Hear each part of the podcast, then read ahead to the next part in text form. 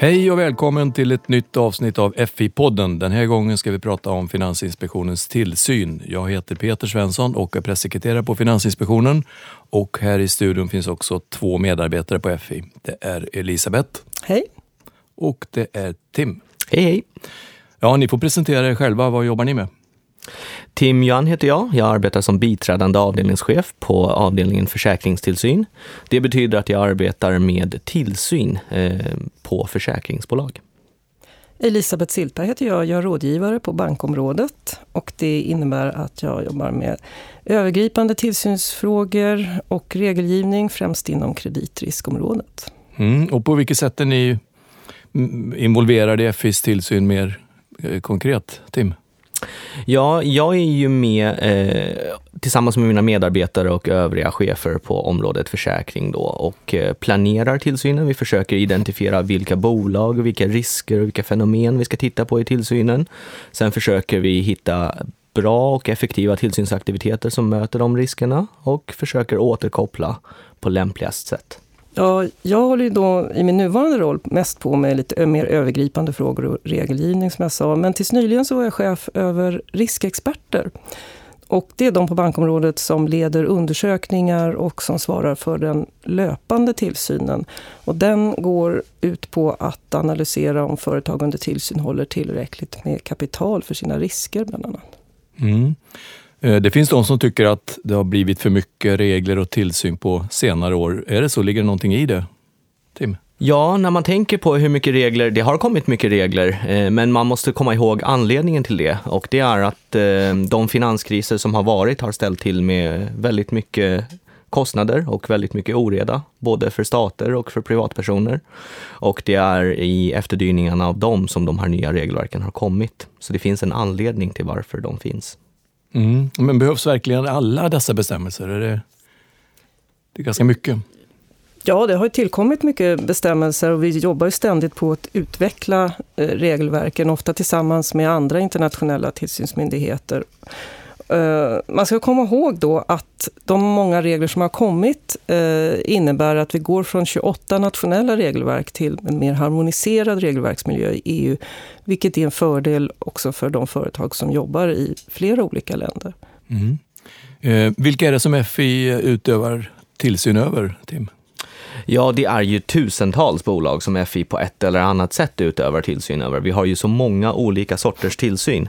Men det som Elisabeth och jag arbetar med, det kan man eh, kanske sammanfatta till att det är de 1800 företag som på något sätt har tillstånd ifrån Finansinspektionen. Och då tänker vi på banker, försäkringsbolag, fondbolag etc. Okej, och i den här podden idag då så pratar vi om eh, tillsynen över de eh, cirka 1800 företag som bedriver finansiell verksamhet med tills, tillstånd från FI. Och bara det är ju ett ett omfattande uppdrag, Elisabeth. Ja, visst är det det. Och det gör ju att vi måste arbeta riskbaserat. Vi lägger väldigt mycket resurser på att rikta tillsynen på de områden där de behövs mest och gör mest nytta.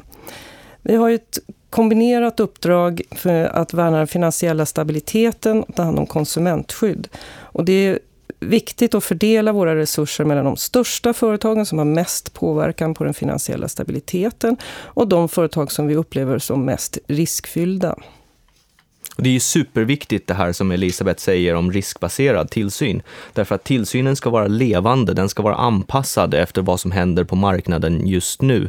Och vilka risker som, som eh, de finansiella företagen tar på sig och vad det kan få för konsekvenser för konsumenter och för samhället. Det låter som ett jätteuppdrag. Här. Det är ett jättestort uppdrag. Och spännande.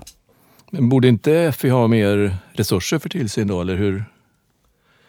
Klarar ja, det, det, är klart att eh, för att göra mer tillsyn så hade man alltid kunnat önska sig mer resurser.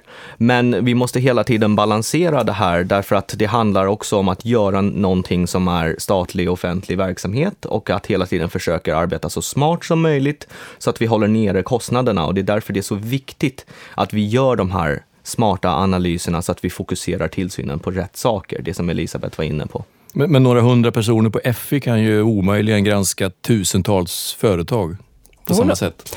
Därför att eh, finansiell verksamhet, bankverksamhet, det är egentligen ett inte vem som helst som får syssla med det. Man måste ha ett tillstånd. Och när man får ett tillstånd, då har man också ingått en kontrakt med oss om att man ska följa de regler som finns. Så det är inte vi som ska vara ute varenda dag på varenda företag och se till att reglerna följs. Utan det är företagens ansvar att göra det. Och det tror jag att alla kan förstå, att det är tusentals företag, det är eh, miljontals transaktioner och det hade varit omöjligt för oss, eh, oavsett hur stora resurser vi hade haft, att granska varenda liten detalj i vartenda bolag. Utan det vi försöker göra är att arbeta smart. Men då finns det då inte risk att en massa oegentligheter passerar? Det finns ju alltid en sådan risk. Vi försöker ju varje dag när jag och Elisabeth går till jobbet att försöka motarbeta den risken och försöka hålla den så låg som möjligt. Men det finns ju inga hundraprocentiga garantier. Uh, vad är det ni tittar på i tillsyn då, Elisabeth? Ja, om vi utgår från det finansiella stabilitetsperspektivet, som är det som ligger mig närmast, så tittar vi naturligtvis väldigt mycket på de företag som kan ha störst påverkan på den finansiella stabiliteten, det vill säga våra största banker i vårt fall och försäkringsbolag i Tims fall. Ehm, men och ur inrapporteringen som vi får kvartalsvis från företagen, de rapporterar in väldigt många uppgifter till oss och den analyserar vi väldigt noggrant. Då kan vi även se vilka mindre spelare som ser ut att ha en förhöjd risknivå och som vi skulle behöva titta närmare på. I båda fallen så kommer vi sen automatiskt in på konsumentskyddsfrågorna eftersom konsumenterna är beroende av en väl fungerande finansiell marknad. Just det, och det är viktigt att komma ihåg att en hel del av tillsynen som Elisabeth pratar om här nu, den, är ju inte, den syns ju inte utifrån, utan den sker ju i den analys som FI gör av de inrapporterade uppgifterna. Eh, men eh, varför lägger FI ner så mycket tid på att eh, göra analyser av risker? Varför, lägger, varför inte lägga mer tid på att kontrollera företagen? Vi gör ju både och. Eh, I och med att det finns en kvartalsvis inrapportering så sker en automatisk kontroll. Det är inte så att vi sitter eh, med papper och penna och gör det, utan det går ju naturligtvis genom olika system och analysmodeller.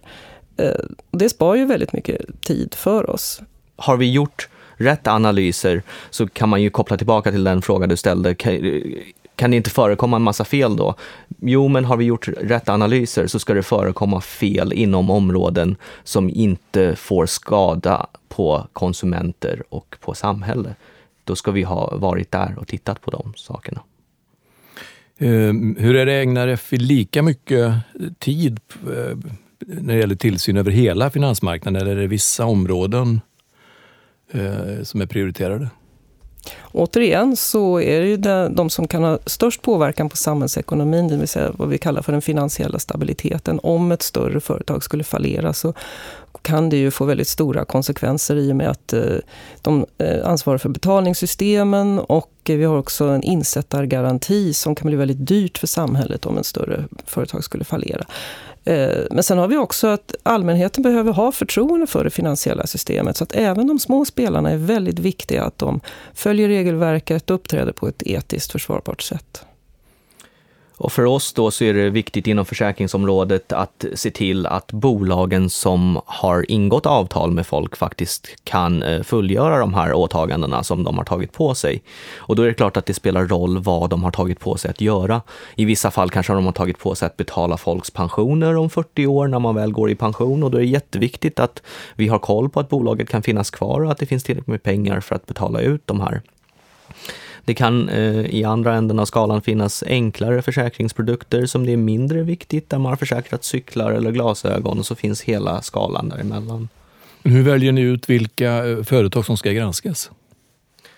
Vi tittar på den inrapportering som görs givetvis och gör noggranna analyser av det. Vi har vår egen förståelse och erfarenhet. Vi har en löpande dialog med bolagen som står under tillsyn. Men vi får ju också mycket användbar information från allmänheten och media som kommer till oss. Och det, de områden som ni ska lägga energi på, det, hur, hur gör ni det urvalet? Vi tittar ju både på sifferuppgifter och på kvalitativa uppgifter. Med kvalitativa uppgifter så menar vi att det kan komma in eh, beskrivningar, anmälningar, det kan eh, vara forskning, det kan vara uppgifter i media eh, och vi får väga allt det här tillsammans med de regelverk som finns för att allt vi gör på, på tillsynsmyndigheten måste ju också ha en grund i vad som står i regelverken. Mm. Ehm, FI ger företag tillstånd och utövar tillsyn över dem och eh, låter företagen betala för det här. Hur funkar det? Varför är det så? För mig är det naturligt att eh, FIs verksamhet finansieras av de företag som har tillstånd att verka inom det finansiella området. Och det är ju för att de har fått rätten att göra något som andra företag inte får göra. Och det är också de som eh, får ta del av vinsterna från den verksamheten. Ett alternativ hade varit att låta skattebetalarna stå för notan och de har ju varken valt att verka inom det finansiella området eller få del av överskotten. När FI beslutar om sanktioner så handlar det ibland om förseelser som ligger ganska långt tillbaka i tiden. Varför tar den här processen så lång tid, Elisabeth? Ja, lång tid är ju ett relativt begrepp. Det är viktigt att processen är rättssäker också. Det är viktigt att vi efter ett platsbesök på ett företag får tid att sammanställa och analysera våra iakttagelser. Och vi har eh, ofta en dialog med företaget efter platsbesöket för att kunna stämma av om vi har uppfattat situationen korrekt.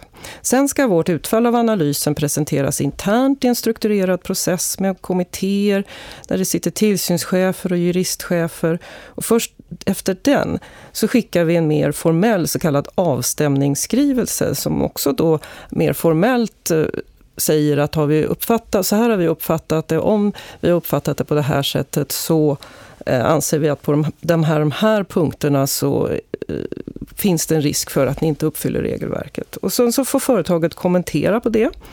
När vi har fått företagets svar så kommer analysprocessen, tar, tar den ett varv till eh, och eh, vi presenteras i kommittéer för de här samma chefer som jag pratade om förut.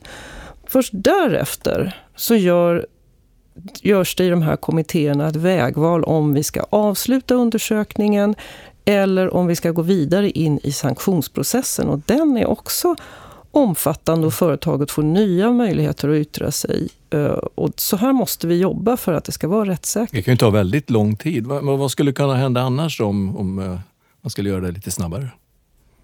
Vi, vi försöker alltid arbeta så fort som möjligt. Mm. Men eh, om man går för fort fram, då det, kan det ju bli så att vi kommer fram till en felaktig slutsats. En slutsats som vi hade kunnat stämma av faktaunderlaget med, med, med bolaget och de hade kunnat säga att ja, nej men eh, antingen presenterade vi det fel för er eller också så är det faktiskt ni som har missförstått vad vi sa.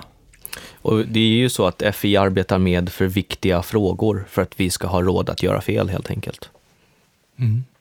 Eh, om ett företag inte sköter sig och FI tvingas ingripa, kan man säga att, att, eh, att det är ett misslyckande för FI? Som jag sa tidigare så är det ju företagets ansvar att uppfylla regelverket och vi kan inte vara överallt hela tiden. Eh, självklart måste vi eh, kunna ingripa när vi ser att vi har pratat med företaget, företaget har inte lyssnat på vad vi sa. då måste vi ta till de sanktionsmöjligheter som vi har. Och det är ju för att skydda den finansiella stabiliteten och konsumenten.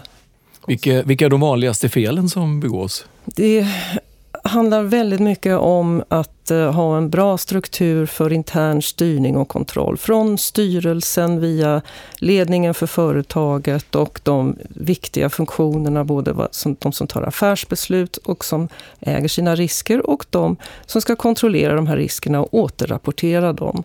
Det är, ju, det är ju det som erfarenheten från tidigare finanskriser, från forskning säger oss att det är ofta i företagsstyrningen som problemen först eh, startar. Och det är därför det är otroligt viktigt för oss att, att hela tiden eh, påtala vikten med en sund och bra företagsstyrning.